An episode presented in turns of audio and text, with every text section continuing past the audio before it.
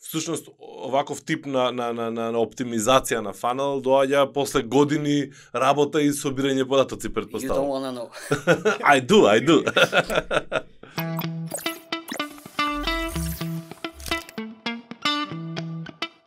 Добро утро, добар ден или добро вечер. Се враќаме после повторно уште една пауза, ама што да правиме, чекавме лето да дојде. Вие слушате 102-та епизода, односно 102 102-то издание на Комкаст, подкастот за медиуми и маркетинг.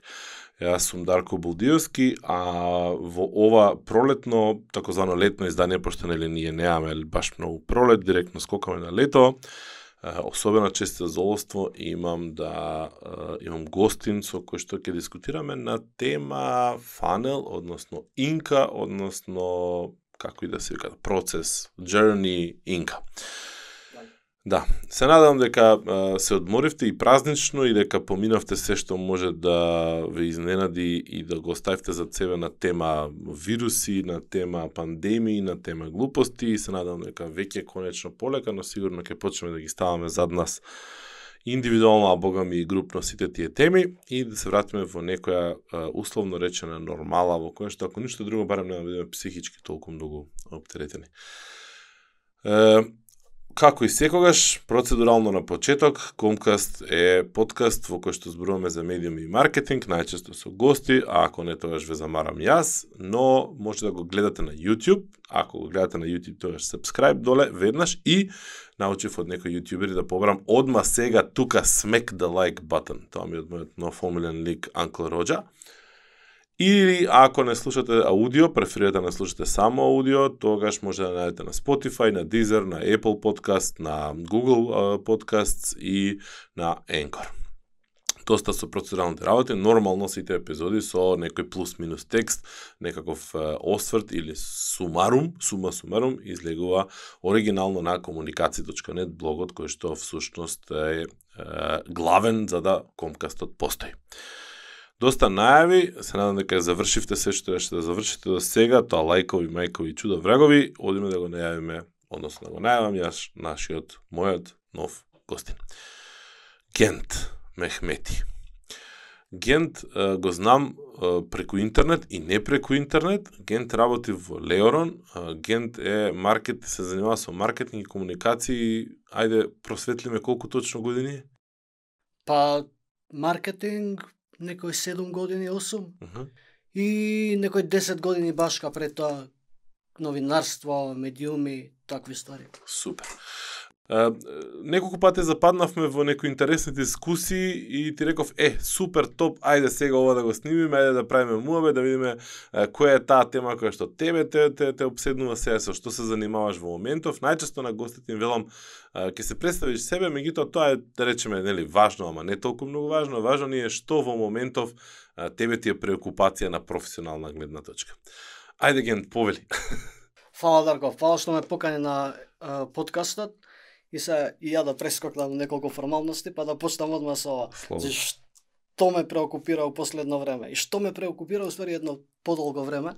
Сегаш пошто цело време ќе земам нешто ко пазл, ќе го решам и после прескокнувам на нешто друго. Мада, нели, цело време, цела кариера, копирајтингот ми беше као единствена љубов, најдолга љубов, ама секој 6, 7, 8 месеци, 10 месеци, една година, наоѓам некоја нова тема. У последно време ми се фанелите. Е сега фанелите исто така траја малце подолго, пошто кај нив има доста што да се истражува, што да хакнеш, пошто викаме funnel hacking. Па као што и ти ветив, може да правиме муабет за фанели. Супер. Ке правиме муабет за фанели, меѓутоа јас сакам да стигнеме до моментот сега и hacking the funnel. Значи да стигнеме до моментот на колку мислиш дека е важно како маркетер а, да знаеш за фанелот, да знаеш кои се основните етапи и фази, да знаеш а, генерално каква е приказката и колку детално мора да бидеш. Пошто има мал милион различни модели и модификации, од линеарна од пред години направена до денеска кој што нели и пред пред се Google фаворизира онаков хаос, фанел и слично. која е твојата историја за познавање фази и мисле ми, проценка за тоа колку треба да ги знаеме и да ги им се посветиме теоретски пред се на нив, на фанелите или на инките Или на мајта. или на мајите. Да, да, не на мајите на крај. Значи вака, мислам дека е круцијално да да знаеш од кај произлегуваат фанеливе, како се користеле и што уствари ти можеш да да надградиш. А, фанелите ко, као такви, не знам, произлегуваат од пред неколку, можеби 100 години веќе од сега. И еден од првите беше оној линеарен фанел кој што го на кој што сме навикнати сите ние. Кој што кореспондира со она со она селсинка аидата на пример. Attention, interest, desire and action. Така. И кој што it presumes Предпоставува. предпоставува дека твојот твојот клиент се се движи надоле од најгорниот стејдж до најдолниот стејдж а, прогресивно. Меѓутоа па тоа не е секогаш така, нели? А, у денешно време имаш, не знам, во зависност од колку е долг твојот buying, buying cycle, а, кој е твојот модел, дали си а, у B2B или си у B2C, дали продаваш некој 5 долар продукт или продаваш некој а, high ticket продукт. Луѓето можат да почнат од овде, па да излезат од таму, па не знам, да се вратат повторно и така натаму. И си има некој свој мани тој тој линеарен фанел кој што се базира на тоа. Не знам да ти да ти демонстрирам на пример. Бараш некој било каков продукт, се уклучуваш на Google, куцаш и наидуваш на PPC реклама, на search реклама, кликаш на истата, те носи на некоја добра лендинг страница, нели, скоцкана со добро копи, со е, добри слики, булет поинти, ова она продава. И на крај си има е, call to action. Ти убеден од сето тоа што е, го пишува у лендинг страницата, кликаш на тој call to action, call to action и остав, оставаш е, оставаш твои информации, CTA вика download the brochure. You download the brochure, а, твоите информации идат до а, sales репот. И според за линарниот funnel се предпоставува дека sales репот ќе ти се јави, ќе те испича and he'll close the deal. И толку е затворено. Е па токму така не е. Епа не.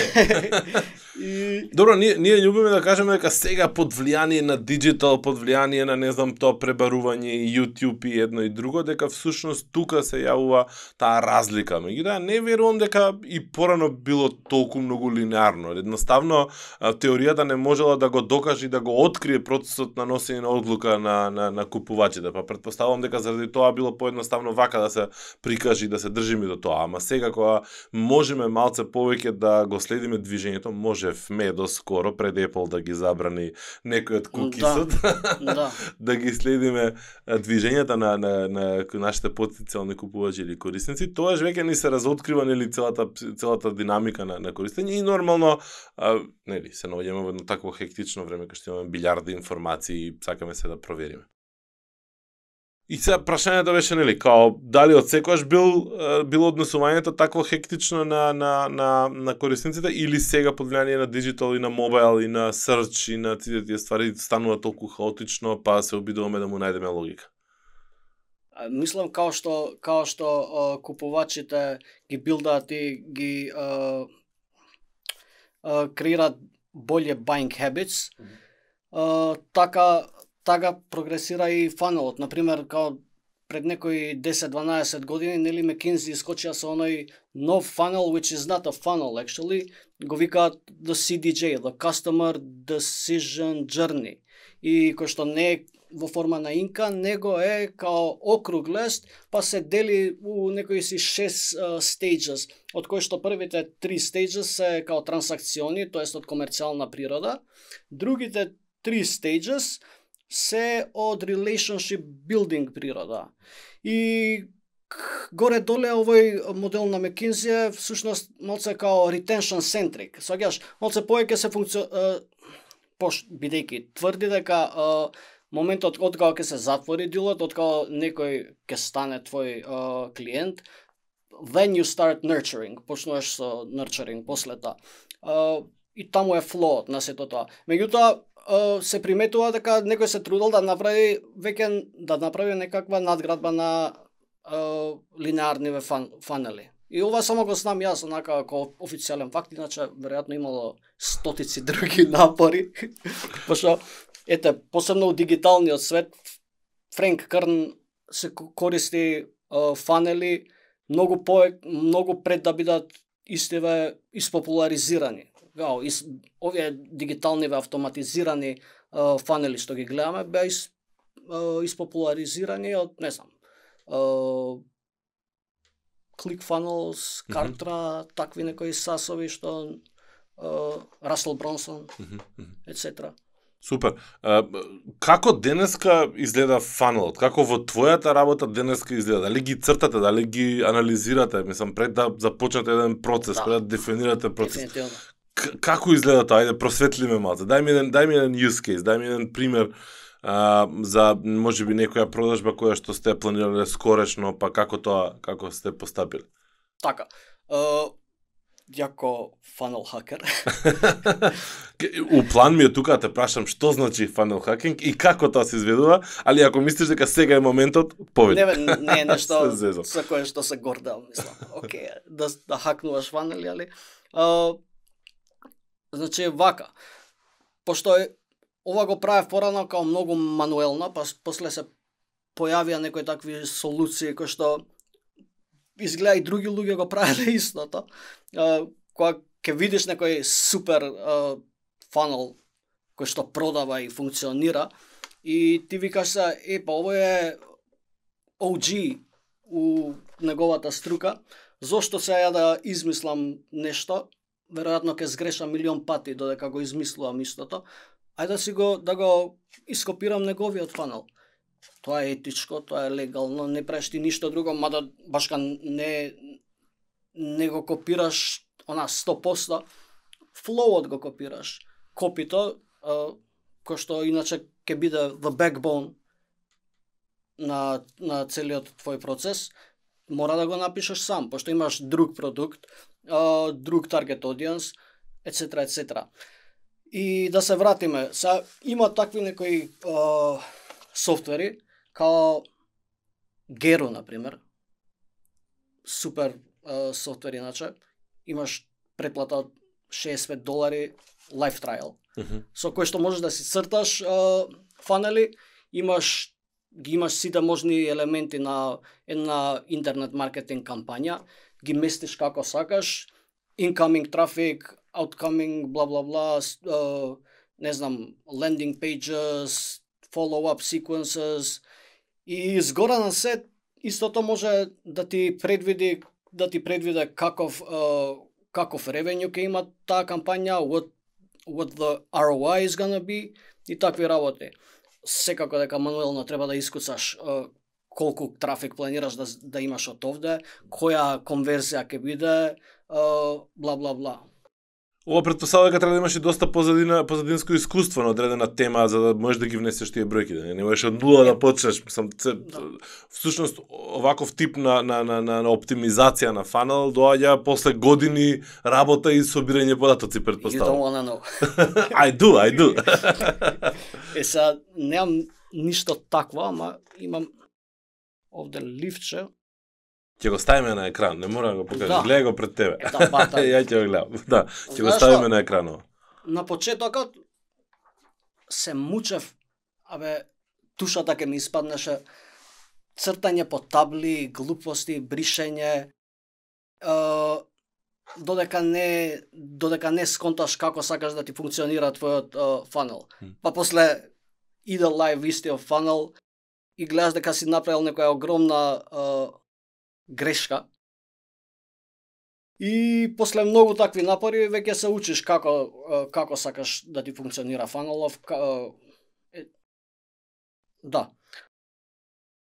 Се сакам да направам мала деконструкција на еден фанел, за Ајде. да болje Тоа е што го гледам пред мене. сетата. Да, Да. тоа е уствари еден многу популарен фанел. Ета гледаш, после толку години хакување фанели, пак е, почнав да правам свој фанел за да го прикажам Мгм. овде, ама видов дека искомплицирав работи ненормално. Викам, ај батали, ке земам еден готов фанел. Кој фанел ми текна на овој на Сем Овенс. Сем Овенс е човекот позади consulting.com.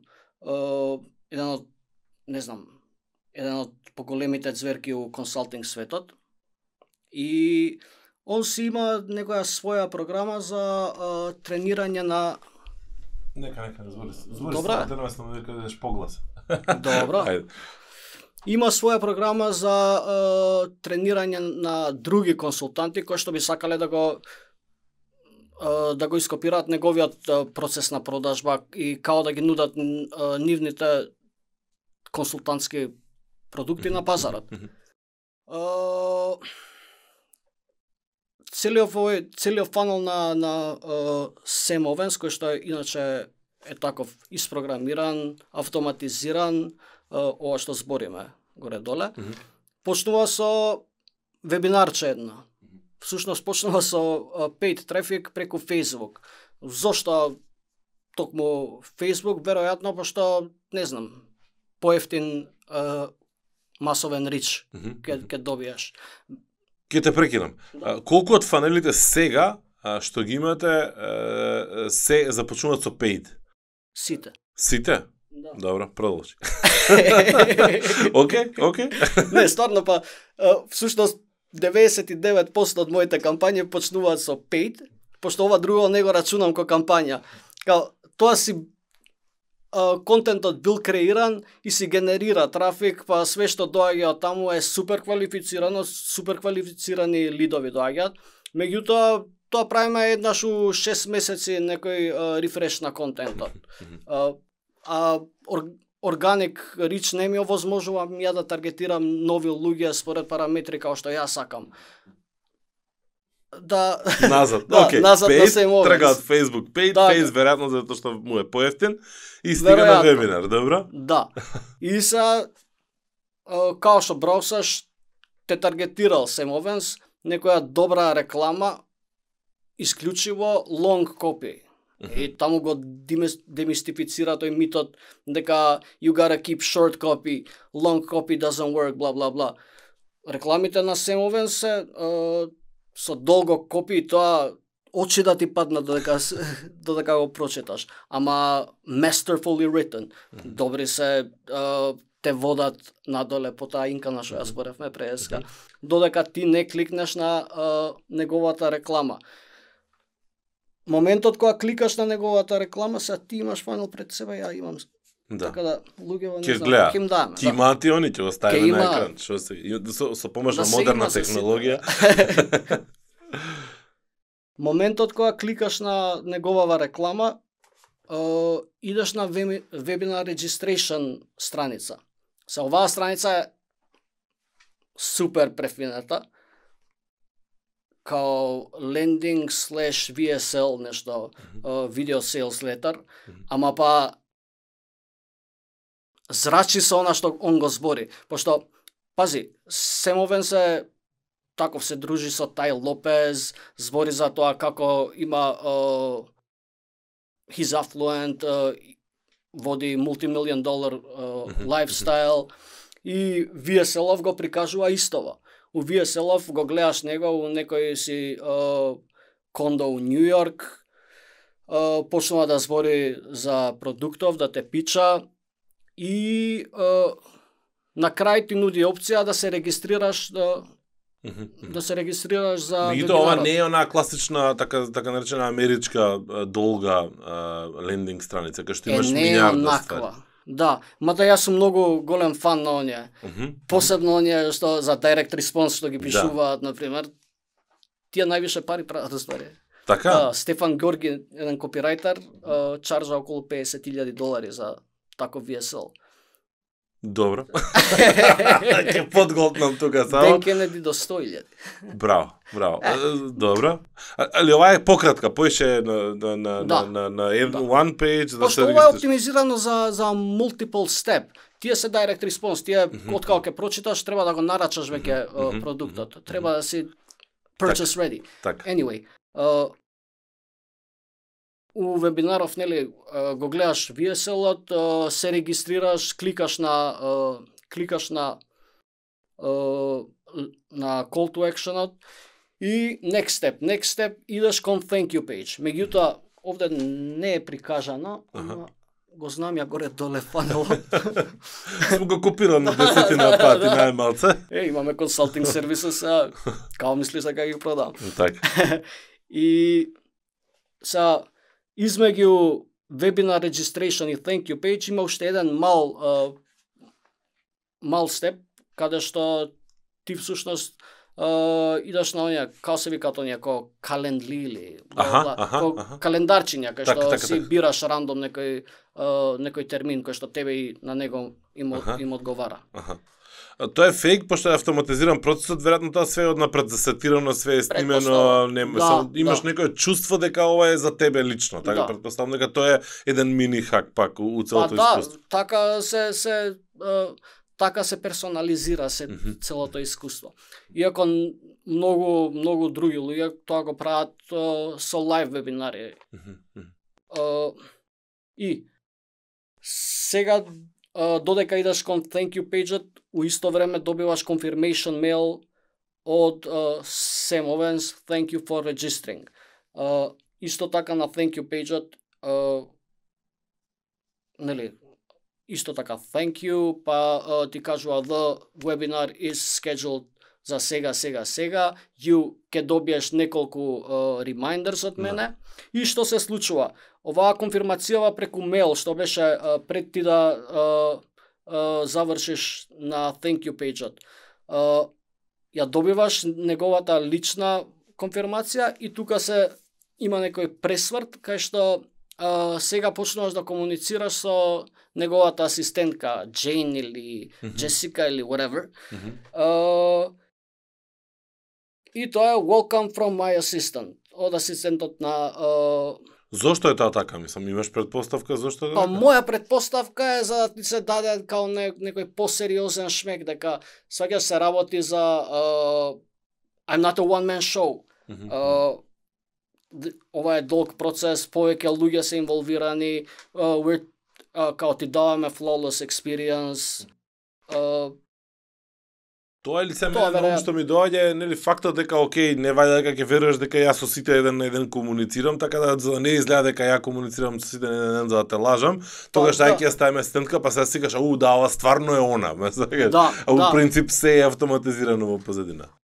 Тоа другото може исто така да биде, мада баш у оваа деконструкција на, на овој фанел, Мгм. човеков кој што ја има направено, пошто тоа го немам Да. направено ја, obviously, вика, not even sure if uh, Jane Doe exists. Мгм. I checked her uh, LinkedIn profile, couldn't find her anywhere.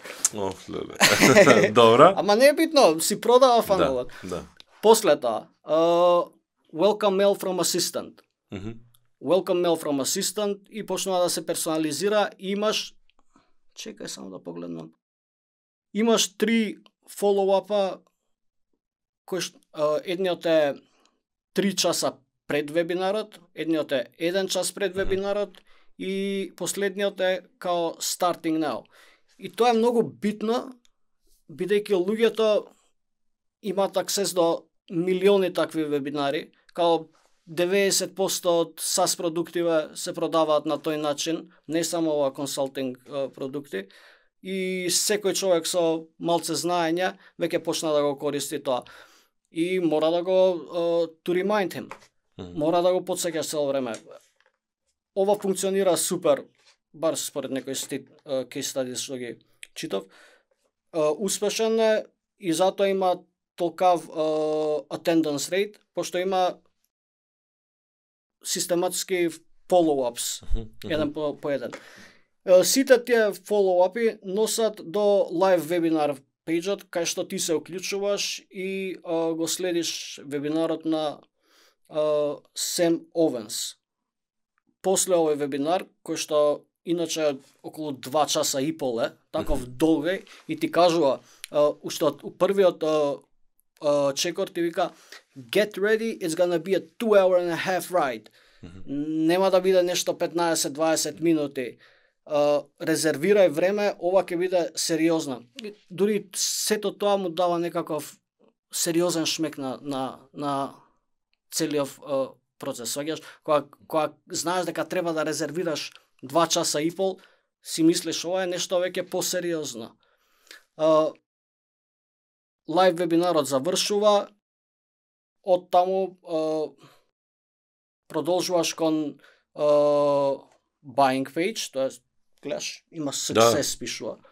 Uh, тоа success е уствари uh, whatever, purchase page. Добро, значи, овде вика дека после, после вебинарот добиваш ремаркетинг кампања да. која што ти нудат free trial, после кој во основа не се одлучуваш да. да, да купиш. Прашањето е следно. Значи, супер. Мене ова, освен некои ситни деталчиња внатре кои што викаат а, нели, овој confirmation пред thank you, тој календли, таа асистентка, овие 3 сати, 1 сат, значи, тоа се све детали.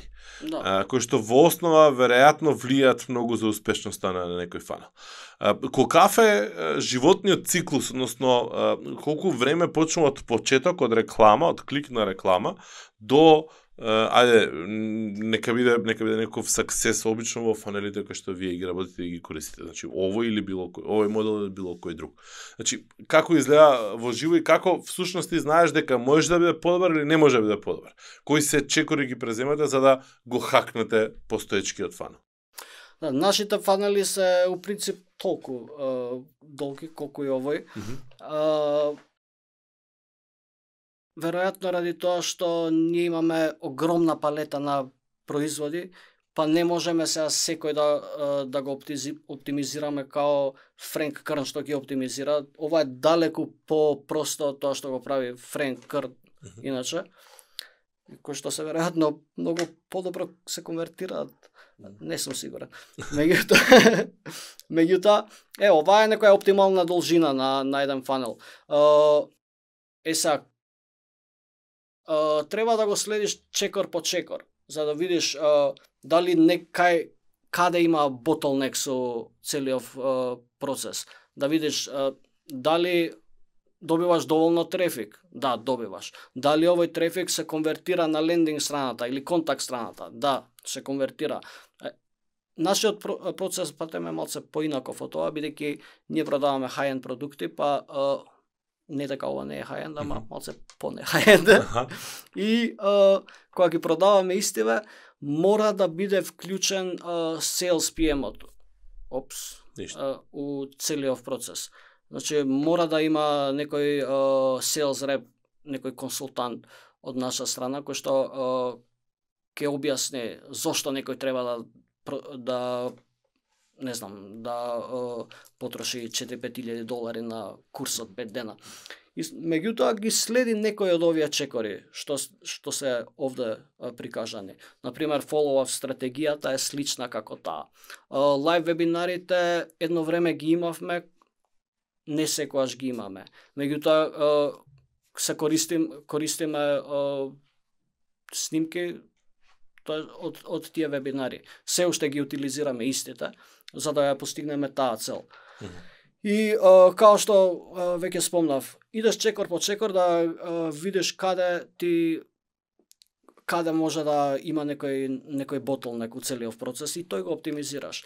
А, 99% од времето а, успехот или failure или неуспехот може да се да бидат атрибуирани до копито и затоа треба да имаш добар копирајтер. Е, тука те чекав. Значи, се зависи од копито. Викаш, нели ти треба многу добро копи. Кажа луѓе кои што наплаќаат грни пари за тоа копи. Јас сум бил сведок, сум кликал, сум се упецал многу често на на добро копи, онака сум следел. Ја не сум, не се сметрам себе си за добар копирајтер, далеку далеку од тоа се обидуваме у мојот тим да, да се изградиме онака индивидуално кој за што е и имаме а, еден човек кој што го туркам натаму.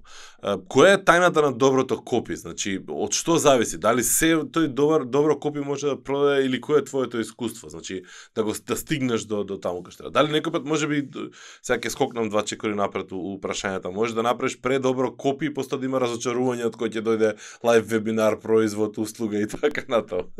Па веројатно може да да стигне до такво разочарување, ама па сеќаш ако се до таму си било окей, тогаш копито било окей. Са контентот и пичот при вебинарот не за време на вебинарот не било окей. И на тоа ке ке треба да работиш, тоа ке треба да се оптимизира да биде по-окей следниот пат. Како да стигнеш до добро копи? Значи, кој е вашето искуство? кое дали користите in-house ресурси, дали ангажирате од време на време од надвор ресурси за да видите нели што прават другите, кои се триковите, no. Да. каде се учите себе си да направите добро копи?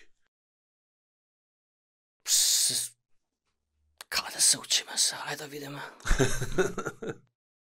па, у принцип се учев, пошто, нели, ја бев копирајтер, се уште сум копирајтер, пошто уште го го пишувам целото копи кај нас организација.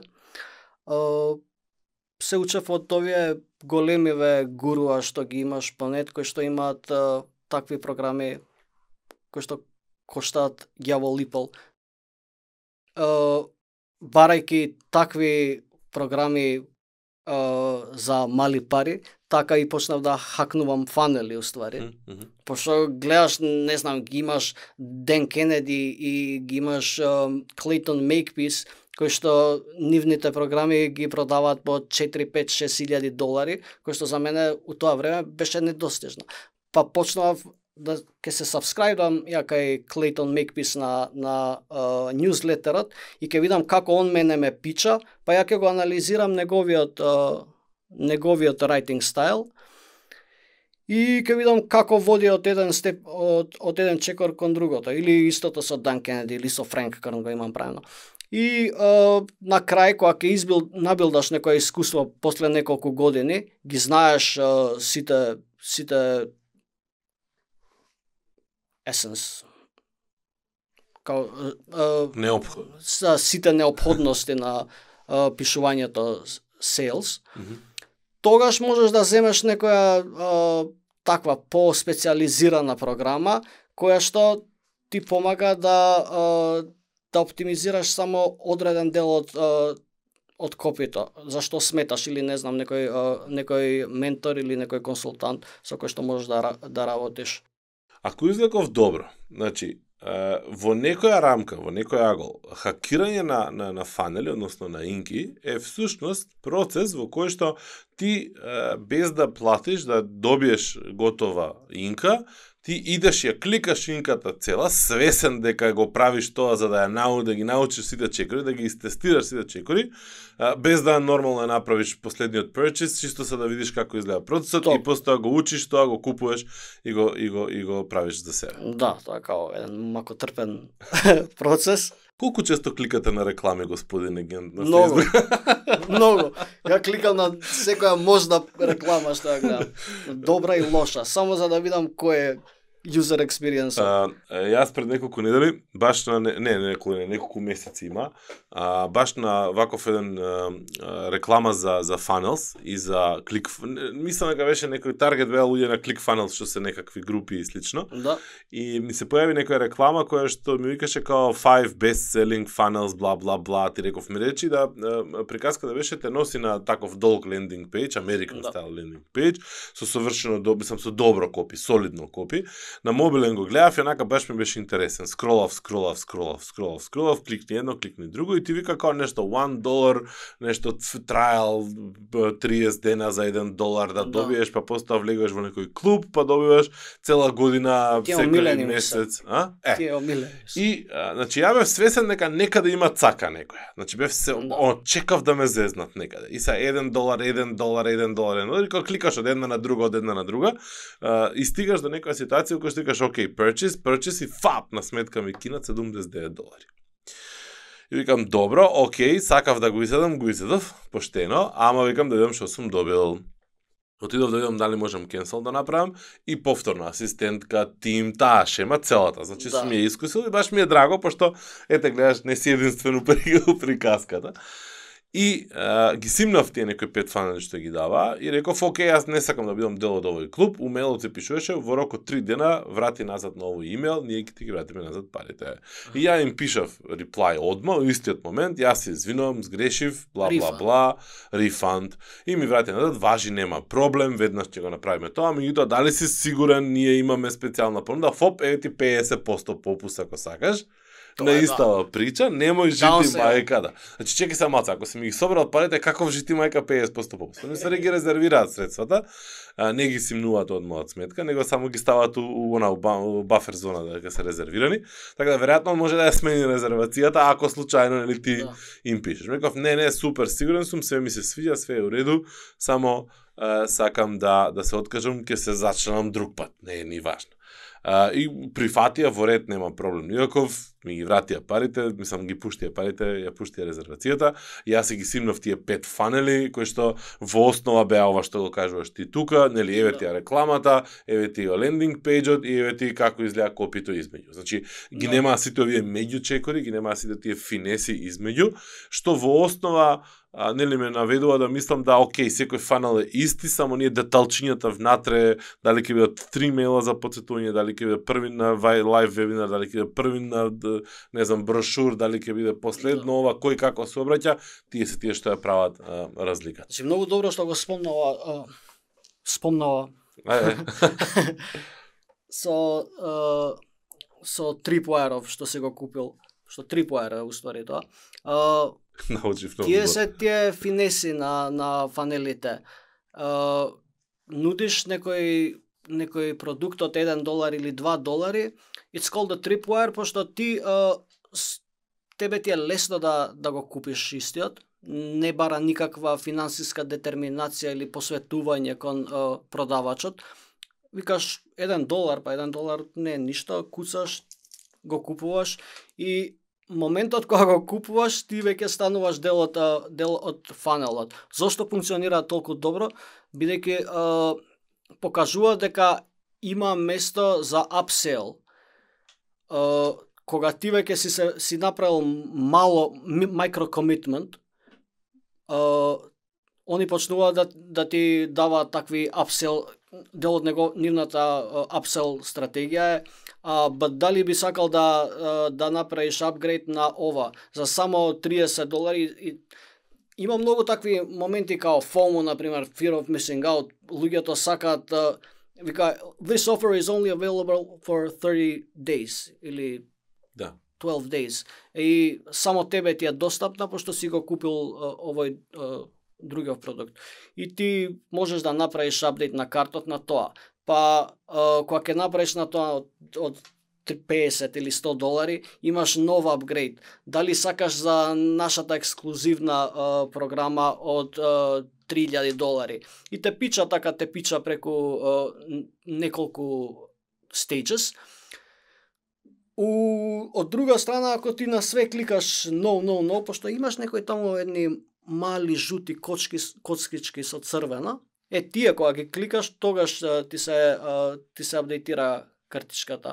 Ако не ги кликаш, ако ги оставаш интакт, завршуваш со 1 долар. Ти предпоставувам се кликнал на некојата. А, не, ја мислам дека ме, ме однесе од еден на друг производ без да ја да приметам. Значи, ме префрли од една предплата на друга предплата и Да. он само направи резервација а, на средствата и не ги повлече, ме свекаш. Као, као што Google и Facebook и други сервиси прават она као тест резервација на, на, на средства за 1 долар Да. за да види картичката дали е добра. Мислам дека таков некој некој проб ми направи, као 30 дена фри, а после 30 дена ќе ти земам фул, фул пари. Ама лидот му беше кога дојде за 1 долар тука да а, да земеш. Така да нема врска, не се вратив назад да видам како ме ме прелажа, меѓутоа прашањето ми е колку често правејќи ги овие работи и модел, моделирајќи ги овие фанели или инки, кликајќи туѓи, се наоѓаш ситуација да кажеш, е, налет нека си 20 долари и 50 долари, морам да видам како изгледа ова до крај. Значи, дали стварно е lifetime offer, дали стварно, да видам која е цаката. Значи, Много во смисол на тоа, дека јас имав еден софтвер, ме го прегонуваше така пред неколку години, нешто за видео преправење, ти реков ми рече, идеме као уште 30 дена понуда, уште 30 дена понуда, уште 30 дена понуда и добро ја купив. Мислам, не, lifetime 20-50 долари некој софтвер, не е ни важно. И а, продолжи да ме се рекламира и после месец дена се уште со 30 дена мене. И ми изнервира, викам, добро, значи јас сум ти на листа на конверти таму. Значи, тргни ме, Да, да, да. тргни ме од листа, баре. Да, да, да. Знаеш, тој ми беше моментот да видам до кај кидат, колку се добро направени, колку се идеално, знаеш, пошто сега не дека ми е галя јако лошо зборам за тој софтвер, мислам, она цветов Ама не, е за толку него е многу битно да те тргне од листата, пошто затоа фанеливе се такви, кружат.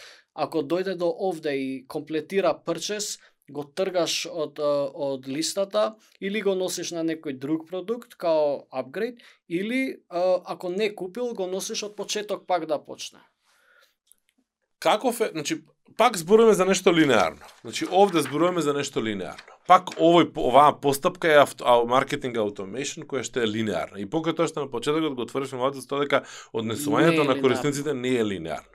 А, веројатно не е линеарно во моментот дека не ги внесеме ние во нашата инка. Веројатно. Е, е, значи, како тогаш ги наоѓаме е, во вистинскиот момент со вистинската порака? Значи, пред да влезе во нашата инка, секој корисник си има свој, свој customer journey. Да. Пребарува широко, тесно, насочено, конкретно, открива нешто ново, влегува, излегува во различните фази на онаа класична а, а, инка. Како ги бркаме таму? Значи, дали е, точно ние бараме овде реклама за човек што е во една фаза од својата фа, на одлу, донесување на одлука? И посетуваме вака, дали имаме друга инка наша, која што брка друг човек во друга фаза, или имаме една наша кампања која што ги брка корисниците во различни фази одеднаш. Значи, во зависност од продуктот, ти го билдаш твојот таргет audience, ја, дефинираш твојата бајер персона. Например, ако продаваш, не знам, ај пак ќе се послужам за нешто од, од мојата индустрија, ако продавам курс за финанси и во зависност од дали тоа ќе биде курс за финанси за сениори или за juniors или нешто mid level, ја ќе ги таргетирам тие тие професии, тоест тие job titles. И ја од почеток знам кого ќе кого ќе таргетирам и пошто користам paid traffic, се надевам дека токму тие луѓе ќе ленднат на мојата лендинг страна. Не ти е битно дали они пројавиле интерес, дали размислуваат на темата во оваа ситуација, тотално небитно. Е па тоа го прави мојот фанел или било кој добар фанел се обидува да да да прикаж да to spike up the interest. Мгм, мгм. Добро. Да. И како како што го движиш, толку повеќе интерес има, па поминува од интерес, не знам, од друга фаза, додека не го затвориш истиот човек како дел. Супер. А, во една ситуација на предавање на, на Олве пред неколку години, драг пријател Недим а, а, од Германија, иначе па потекло од Босна, кој што е патем SEO а, експерт, зборуваше дека потребата за оние долги лендинг страници амерички што ги што ги нарекуваме американски лендинг страници, всушност е да може да одговори на било која фаза и да одговори на било кое прашање од било која фаза на корисник. Во смисол дали без разлика он е top of the funnel, middle of the funnel, bottom of the funnel, ако ти го упецаш некаде, ако ти го донесеш на твојата лендинг страница, да он може да го најде тоа што го треба без разлика што се барал или како дошол и да може да го однесе, да го спушти побрзо или поспоро а, до до процесот на на кликање на на call to action. Добро, во овој фанал не беше така, пошто има преку различни етапи, затоа малце и, и го постоев тоа прашање. А, окей, значи, да сумирам, линеарен ние сакаме да бидат кој ќе го ставиме во нашата инка. Ако не е тоа што се обидуваме со друга и друга и друга, пошто веројатно овде најпаметно да не градиме варијанти А, Б, С да се разгранува на различни места. Да.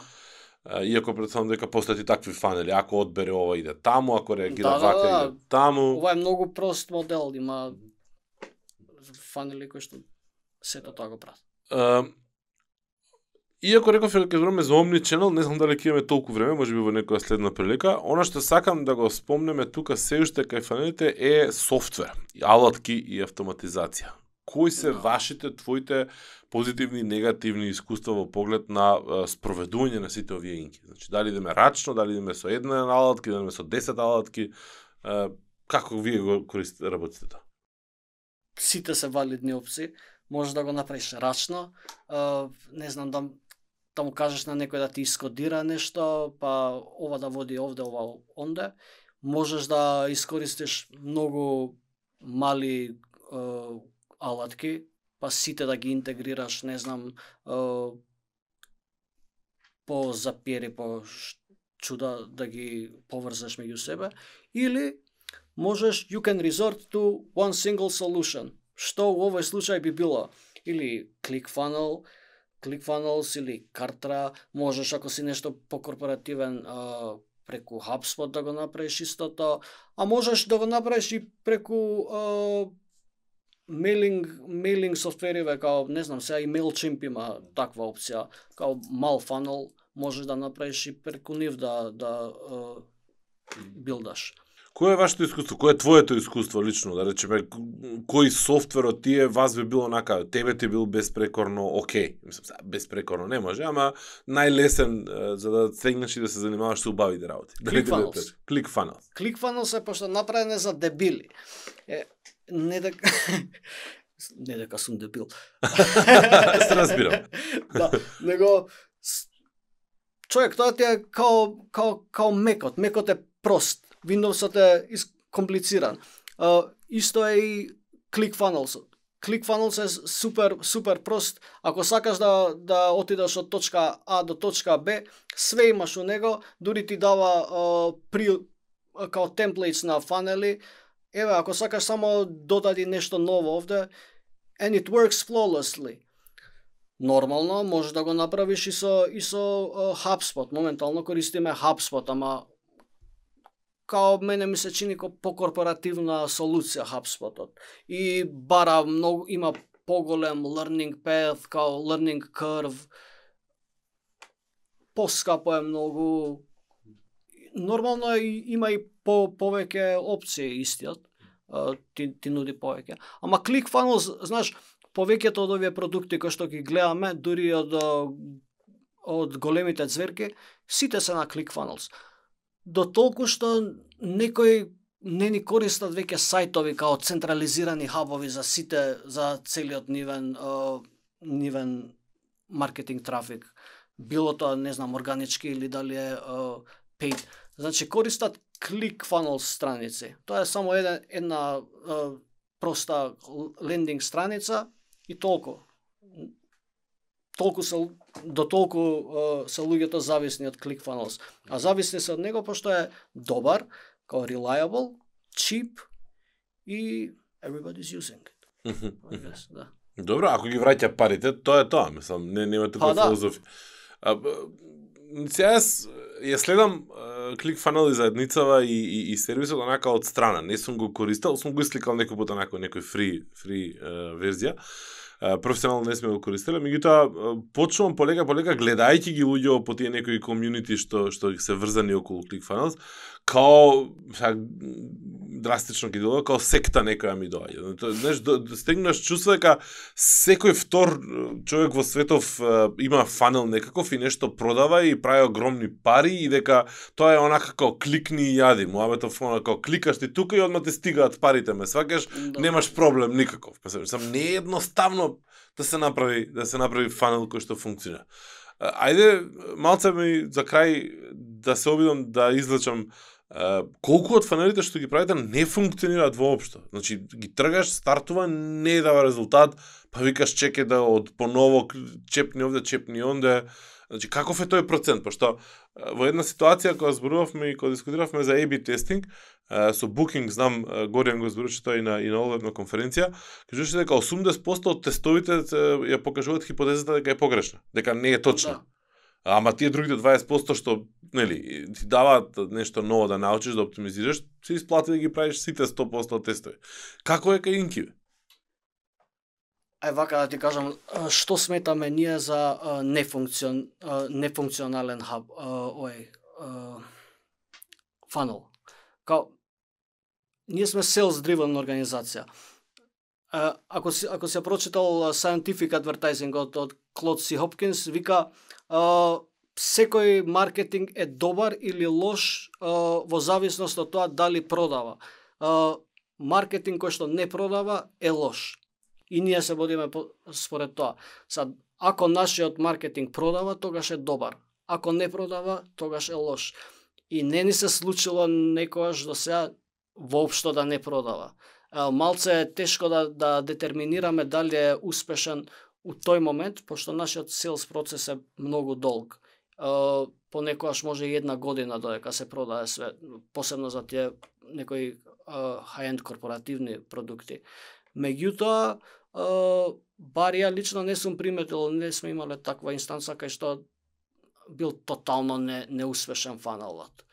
Гент, ја можам да те распрашувам и да дискутирам и да споделувам како сум се упецал на добри фанели уште многу долго, ама ни остана една цела тема, тема, тема за, за мојот, таа е Omni Channel и Omni Channel стратегија, ама ќе оставиме. Да. Таа, за некоја следна ситуација, ја начнавме малце на крај со HubSpotот, кажа едно од тај, да чеме, тајните за, за да. успешност, не верам нека толку тајна, а пак е тоа подобро кога ќе чуе човек од искуство.